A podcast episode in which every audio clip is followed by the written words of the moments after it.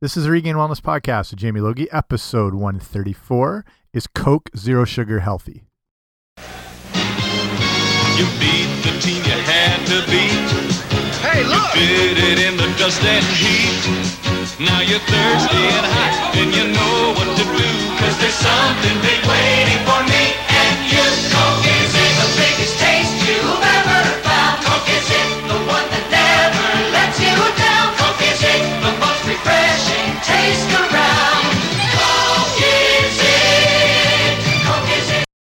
Hey guys, what's happening? Welcome back to the podcast. I'm Jamie Logie. I run regainedwellness.com, and this is the Regained Wellness Podcast. And thank you so much for joining me here today. And we're talking Coke Zero Sugar and kicking it off with a Coke is It commercial from around 1982, which is the time that Stranger Things season one was set in. And I've been like holding myself back from just starting an entire podcast all about Stranger Things. I'm a huge fan especially with season two coming out. But I won't get into it too much unless you want me to. Give me an email. We can discuss it all day long. But we're talking about Coke Zero Sugar, which is at the moment right now a newer product just been released. And today we're looking at what it is, why it came to be, what it was based on originally, and what are the potential health benefits or health problems that come with it. Um, and it, it's kind of interesting. There's a lot of issues with certain ingredients, artificial sweeteners, but we'll get into it all. So just before I start, two quick things. If you haven't already, make sure to subscribe to the podcast so you get it sent to you as soon as they come out. So get it wherever you get your podcast, probably iTunes, but wherever you get them. And if you're interested in sponsoring the show, I'm part of this thing called Patreon, which is kind of a crowdfunding sort of thing, but more a little simpler way where you can support on a monthly level as low as like two bucks um, to help keep the show going, like to do so I could be able to do better shows, more shows, have more time to book great guests, the whole deal. And the you know, it's nothing required. The show will always be free, but if it's something that interests you, go to patreon.com slash wellness. And there's different levels of support, and then there's different rewards that come with it. And that's all I got to say about that. Okay, let's get right to this. Okay, so what is Coke Zero Sugar? You might have seen this advertised more, promoted a little differently. Um, it's got that black and red can. How you know people wonder why how it's different from Diet Coke. It basically comes from Coke Zero, which was basically their earlier version of kind of cracking into the men's market of Diet Cola. There's, there's always sort of been the stigma that Diet Coke has been associated as a, a female drink and just more um, preferential to girls or whatever. And Coke was trying to target in on more of a male demographic. So that's why they went with the more aggressive looking color scheme with the black and red. I don't know. I find that funny. And then calling it Coke Zero, which essentially at the time meant Coke Zero sugar. But there was a real confusion what Coke Zero was, believe it or not. I don't know if you've tried it before. Um, it's like I don't know. It, the original Coke Zero is it's closer to a Coke flavor, but obviously not as much because there's no, you know, sugar base to it. There's no high fructose corn syrup, giving it more that syrupy kind of flavor and texture and whatnot. So, but it is different than a Diet Coke. And if you've had them, you you've obviously um, you could probably tell the difference. So the issue here now is that most people had no idea what it was and who it was geared for. So that's kind of the re basically the rebranding as Coke Zero Sugar. And it's not exactly the same product, but a little bit different. And it's as much maybe more a marketing move because it wasn't moving as much. And I think there's a more um, companies are taking bigger strides to try to be healthier, you know, and to avoid sugar. And fast food companies are doing the same thing. They're trying to do. I mean, you can get kale salads at McDonald's, which I think is hilarious, and I think it's okay. I mean, originally, if you think the idea of when you go to McDonald's, you know exactly why you're going to McDonald's. It's like going to Taco Bell at three in the morning when you're hammered. You're not going for a healthy meal experience. And that's usually the association with McDonald's. You know what you're getting, and that's why you're going into it. So now, with places like McDonald's trying to be all things to all people, I think it kind of loses their way. Like what makes these companies successful is they do one thing and they do that thing very well. And when you kind of spread it a little thin, I don't know. But I mean, McDonald's are everywhere and people still want to have a better option. But like if I'm going to McDonald's, there's a ton of places I can get healthier food that I'm probably going to go to beforehand. But if I want, I don't do this often. And I honestly really don't eat a lot of fast food anymore. But if I want a McDouble or a McChicken, I'm going to McDonald's because they do that better than anybody else. So the, the companies have been trying to take steps to promote, themselves as healthy. And I think putting the actual word zero sugar on your label and your product is trying to reach out. Um, so whether it's just the rebranding, Coke says it's uh, got an even better, unique blend of flavors. I'm quoting here, and a lot of people, I guess, were not happy that they were introducing this whole new thing. And you know, if you're looking at the differences between okay, Diet Coke, Coke Zero, and Coke Zero Sugar are essentially a zero calorie, no sugar diet option, and there's a little bit of difference between them. Um, it's like honestly they're pretty much the same drink. I think Diet Coke is only different by a couple. So if I'm looking here, Diet Coke contains carbonated water, caramel color, aspartame, phosphoric acid, potassium benzoate, natural flavors, citric acid, and caffeine.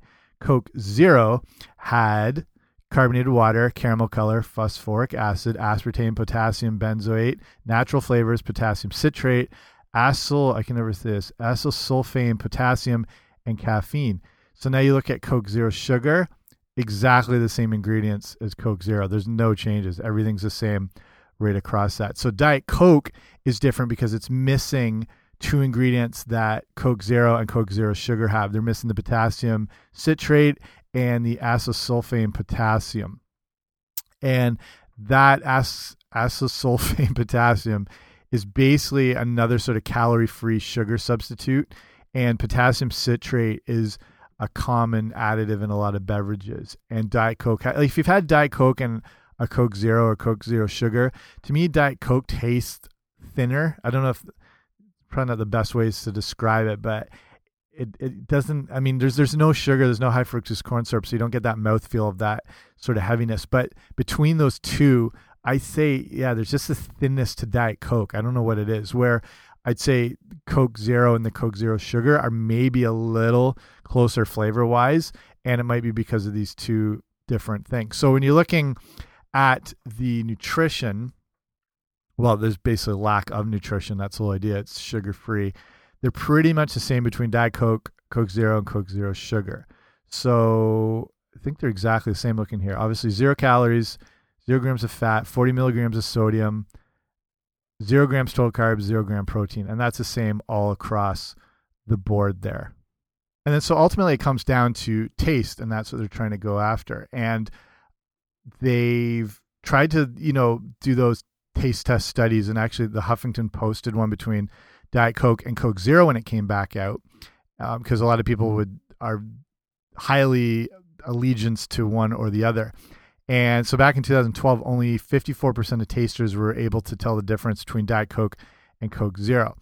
And so the thing now is Coke Zero was trying I originally was trying to push the fact like this is just like real Coke and it just it tastes so close to real Coke, which I don't think it does uh, closer than the Diet Coke. So the thing is now as they've rebranded it, they're not trying to say with Coke Zero sugar that it is closer to Coke flavor. They're saying Coke Zero sugar is going to taste just like Coke Zero.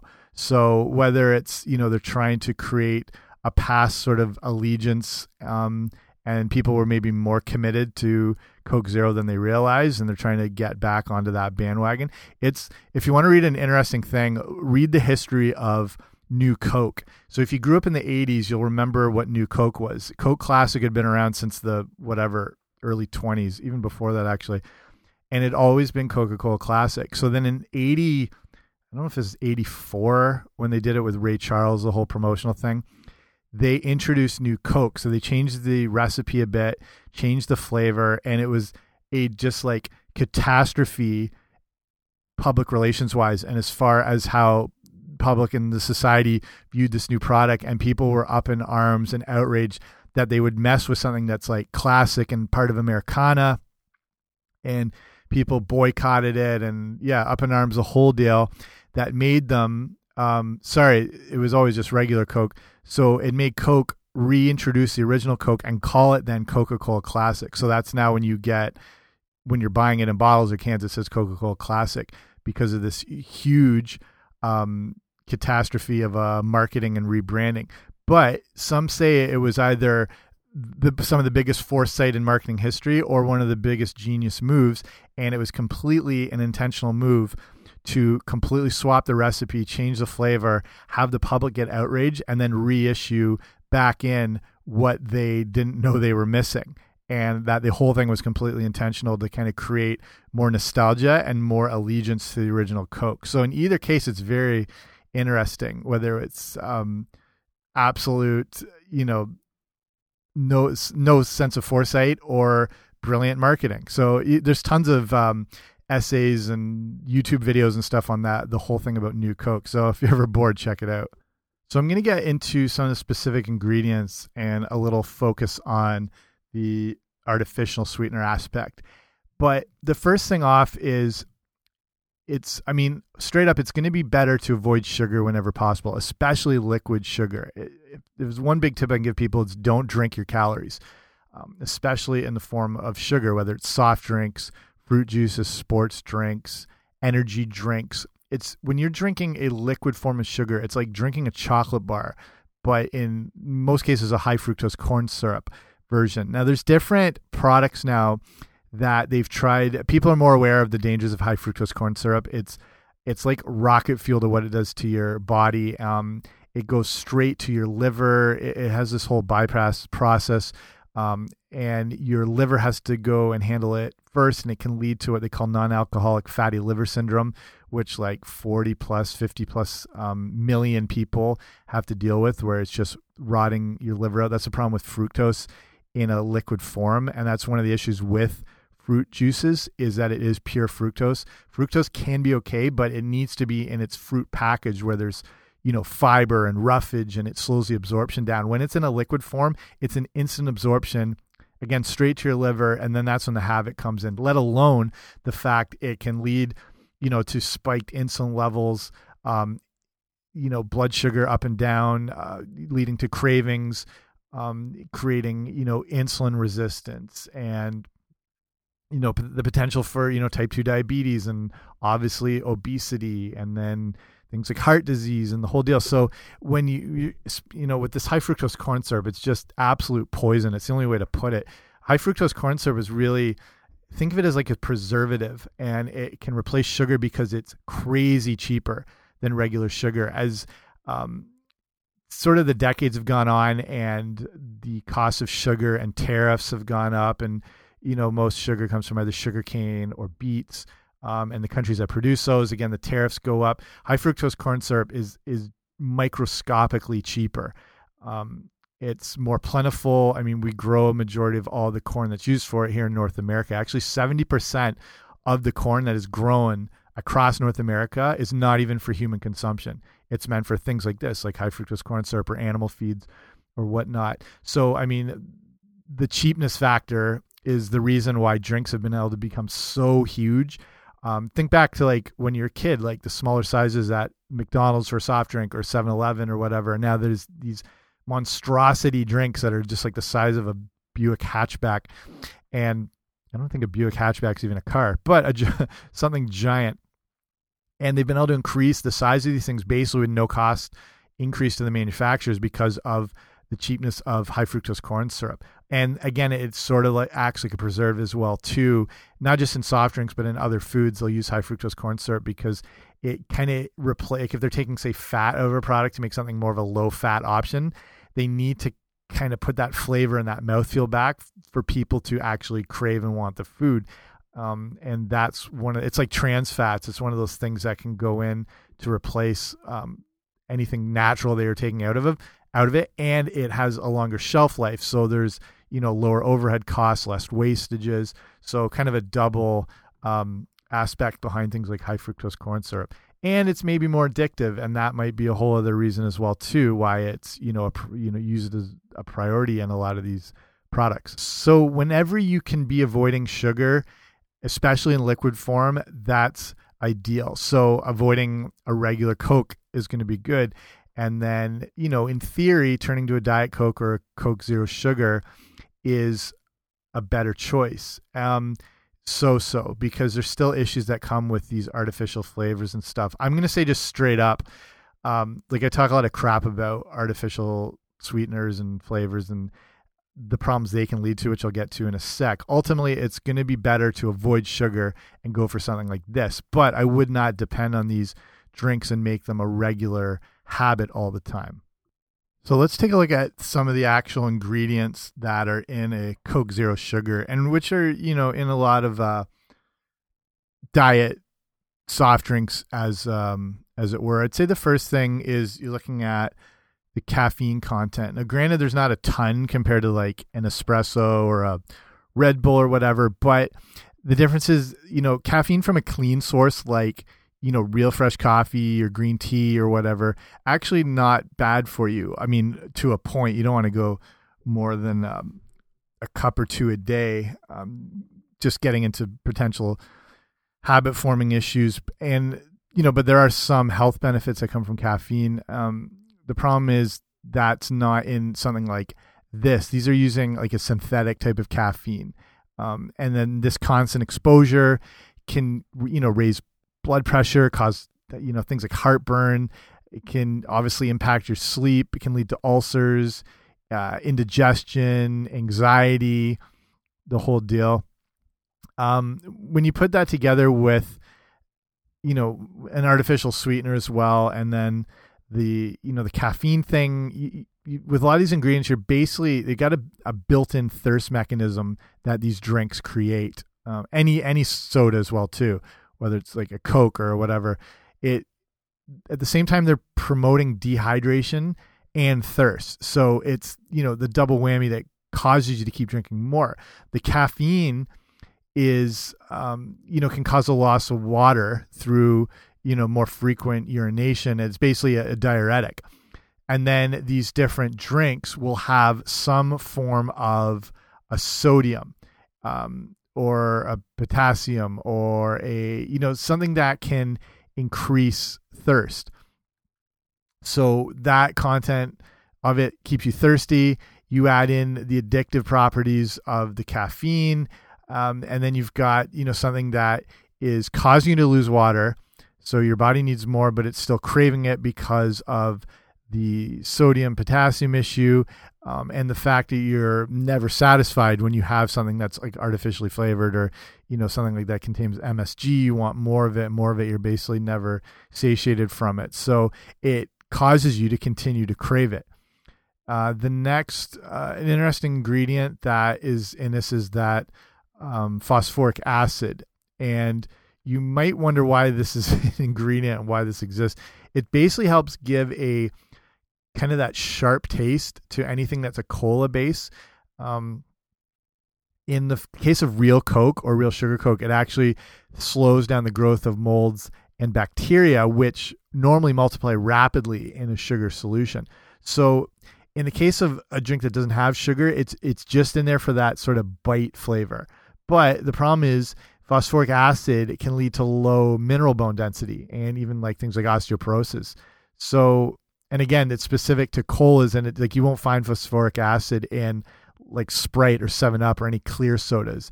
It's more it's cola based. So that's my thought and why they put it in is it's more for to kind of recreate that cola kind of bite sort of flavor thing, um, not as a way to combat the potential bacteria and mold growth that can come from the sugar.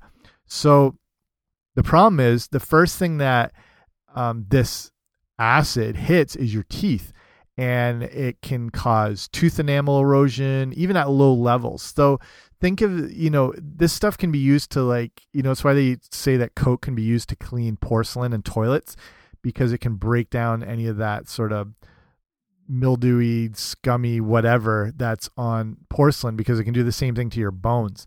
Um, so obviously not just your teeth but your bones in general. Another one that's never never really looked at as an ingredient. And you know it's the first one right off the bat carbonated water.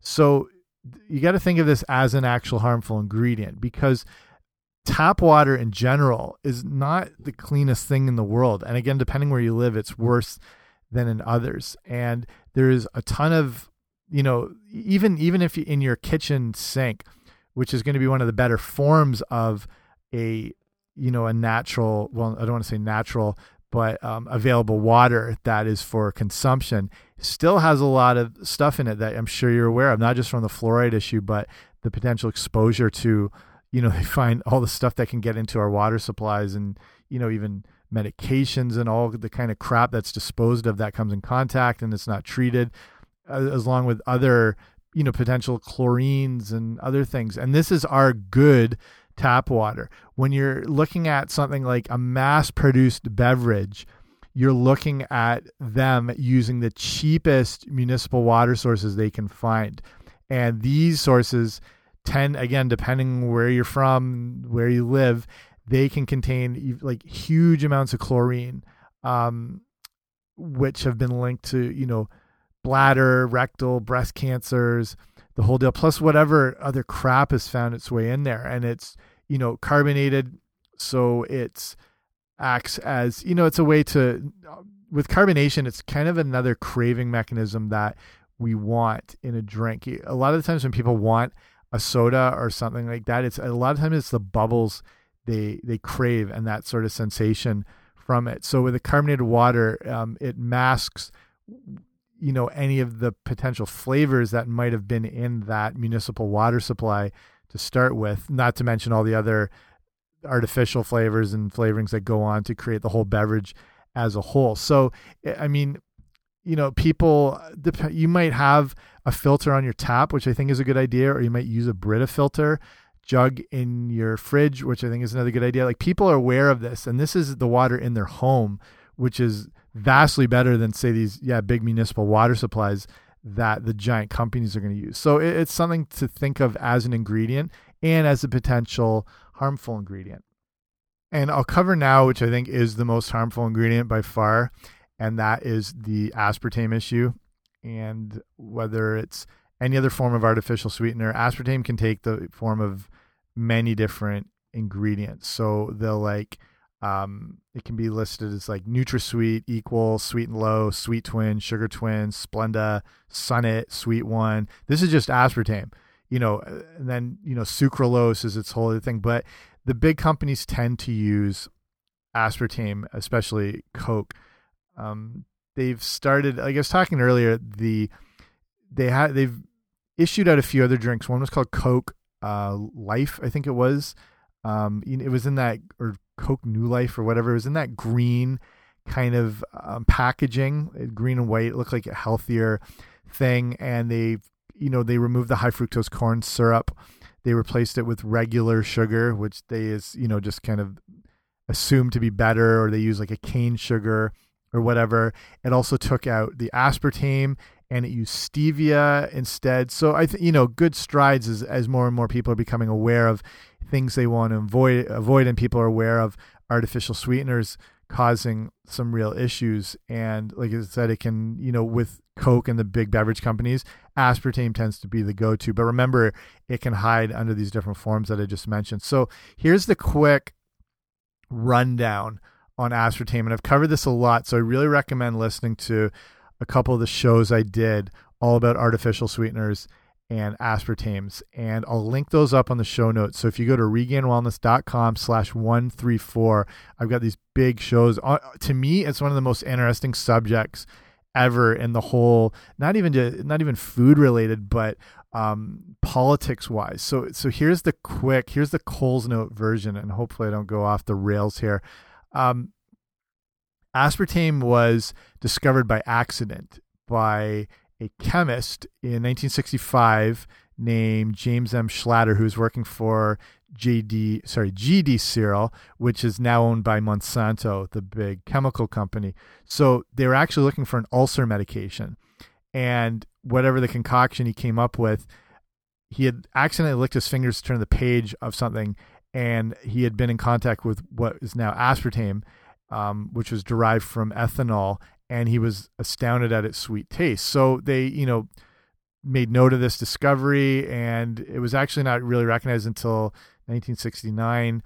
And then during there's sort of a low calorie movement in the 70s, and they started to see that there was a potential use for uh, this sugar substitute, and it was a you know potential great financial opportunity. So originally, the FDA disapproved of aspartame. This is in 1980, and the team of scientists that they used to investigate it was re reporting that it might induce brain tumors. Um, there was right off the bat they saw the potential. I mean, it's a chemical. They, they just saw what this thing was possibly causing and side effects it was creating. So that this is where it gets sort of all Michael Murray. Um, it was so the the disapproval was challenged by then Searle chair, chairman and future Secretary of Defense Donald Rumsfeld, who vowed to call on his markers to get it approved.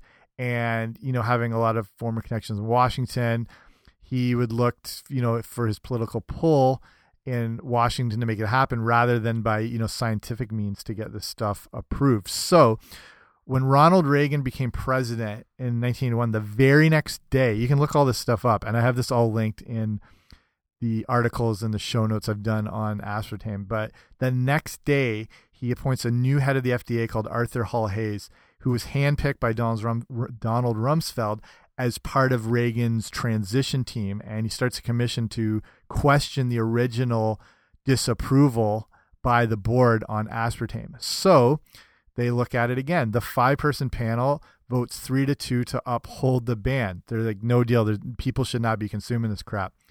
So this guy Hayes, the new head of the FDA, then appoints a six member that he chooses, who ends up surprise deadlocking the vote three to three. Then this Hayes guy decides he'll be the tie breaking vote. And obviously, what do you think? He votes in favor of aspartame.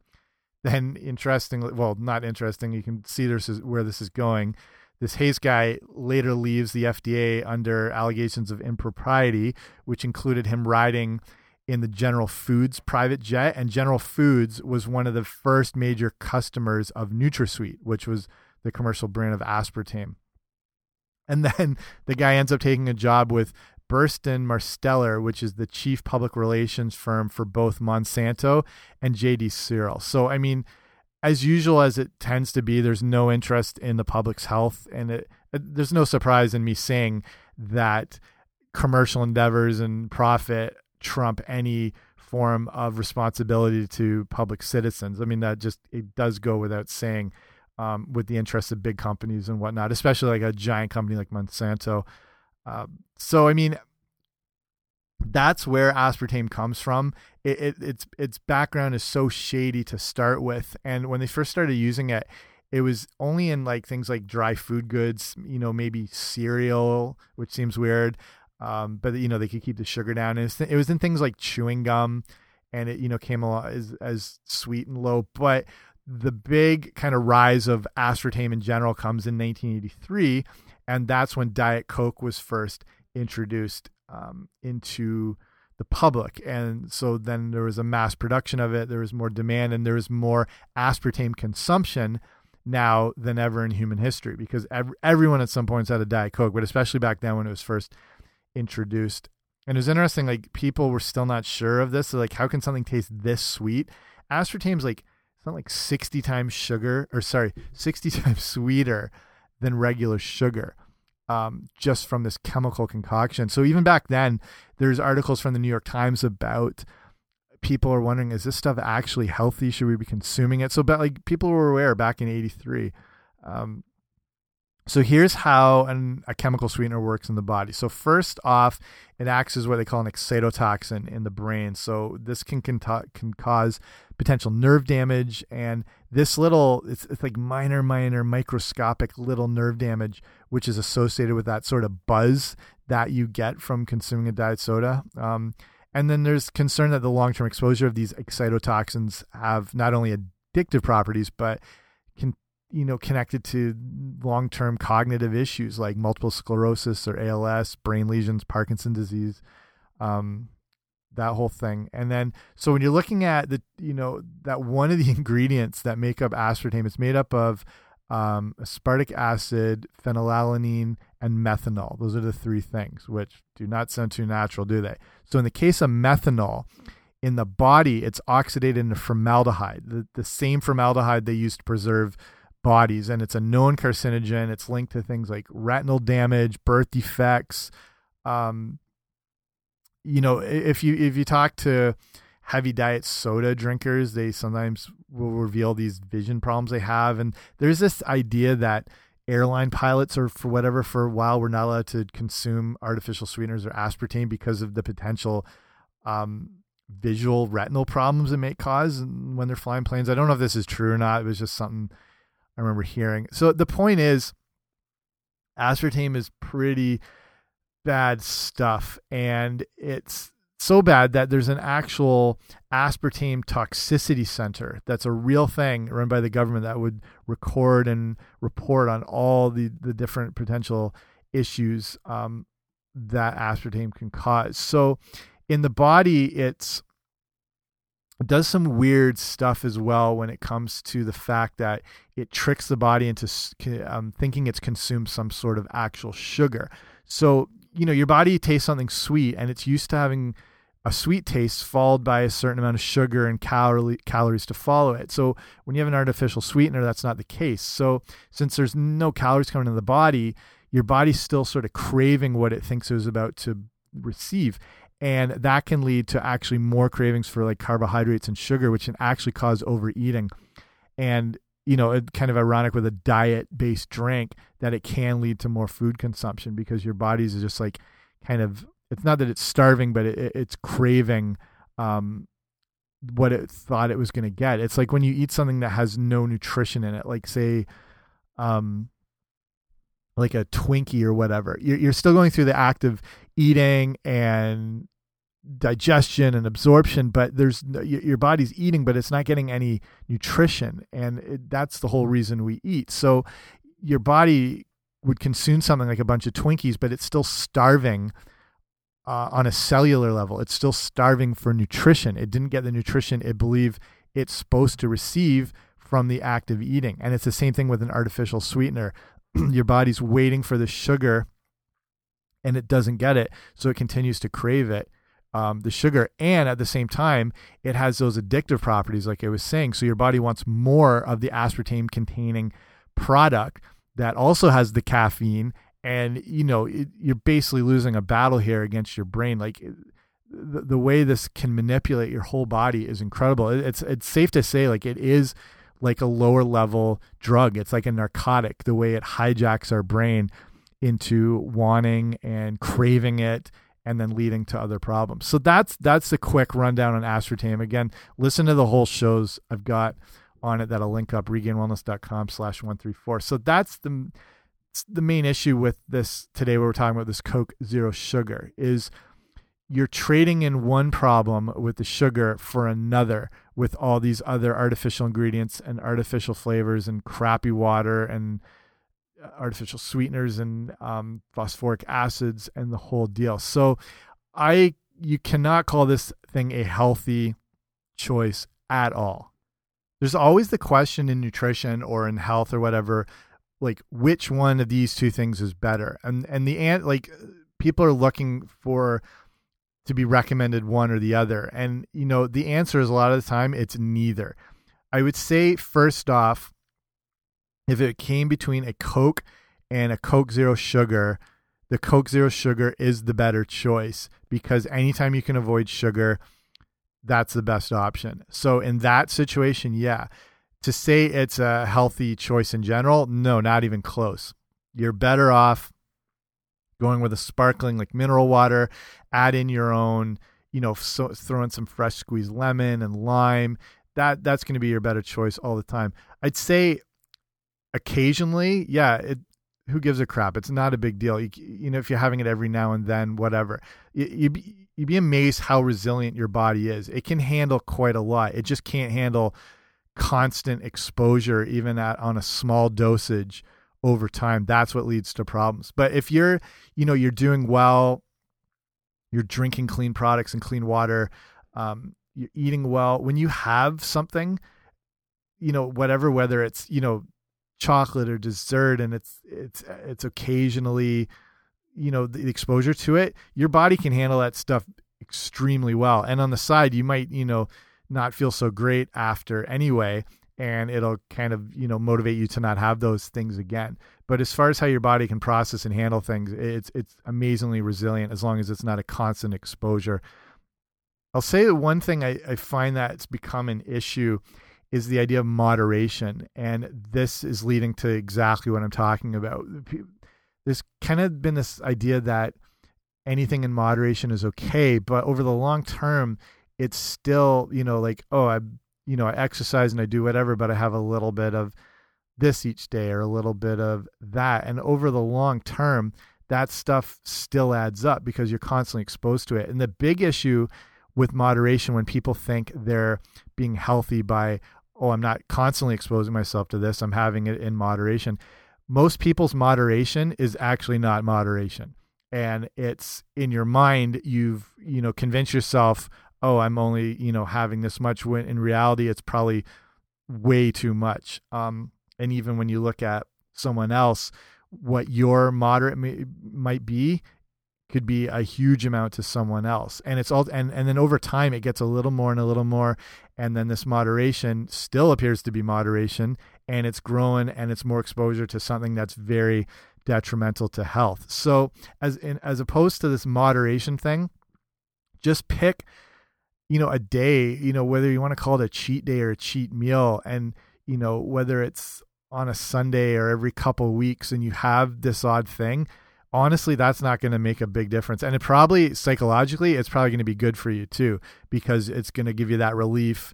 Um, or if you're craving these things and whatnot, it's just, you know, if you have that bit and bit each day, it grows and grows and, and that's how it gets out of hand. But just, just from a body and physiological aspect, your body can take quite a bit and it's actually made to handle these things. In the case of, say, like, a cheat meal or a cheat day or something like that when you start eating a lot of you know crap or whatnot can actually have a positive effect on your metabolism and if you're you know working out and training or trying to build muscle and lose body fat it can actually work in your favor if you're eating say you're going like two or three weeks where you're eating super clean and there's you know no garbage in there and no sugars and whatever your body starts humming along pretty well metabolically. It's able to handle um, you know it's it knows it's getting a regular dose of good nutrition.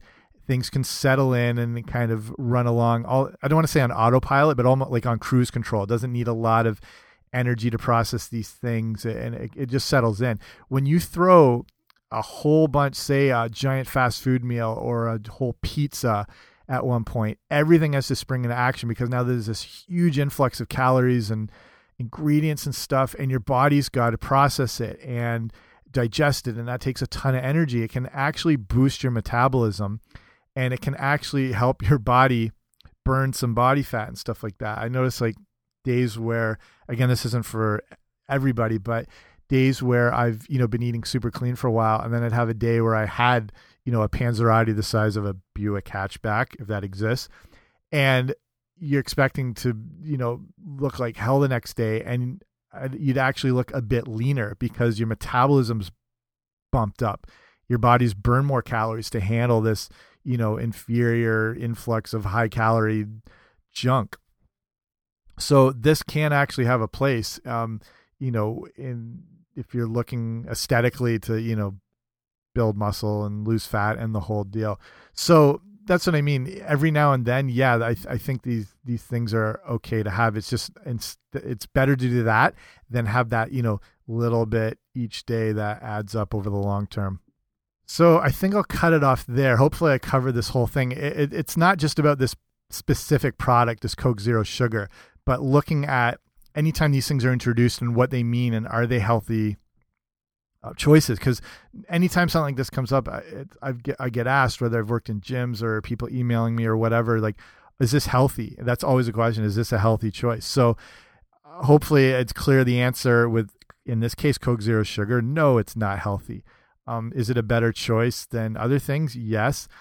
Um, should it be a constant go-to? No there's better things you should be having anyway but every now and then I don't think it's a big deal. And if it's one or the other between that and a Coke, yes, it's a better choice. But water, at the end of the day, is going to be the best choice for any type of beverage. So that's it. If you want to hear more, um, or if you had more questions, or you want to talk Stranger Things, like I talked at the start of the show, email me at info at regainedwellness.com and we can go into anything else. Cause it's, it's a huge, big subject that kind of goes down a bunch of different rabbit holes. Like you can see just with the artificial sweetener aspartame issue, what that's all about. And again, regainedwellness.com slash one three four and I'll link up a bunch of those other episodes um, that I think you'll find interesting because I think it's an interesting subject. Okay, so let's cut it off there. If you haven't already, make sure to subscribe to the, the podcast wherever you get your podcasts, and I'll be back very soon. Okay, bye.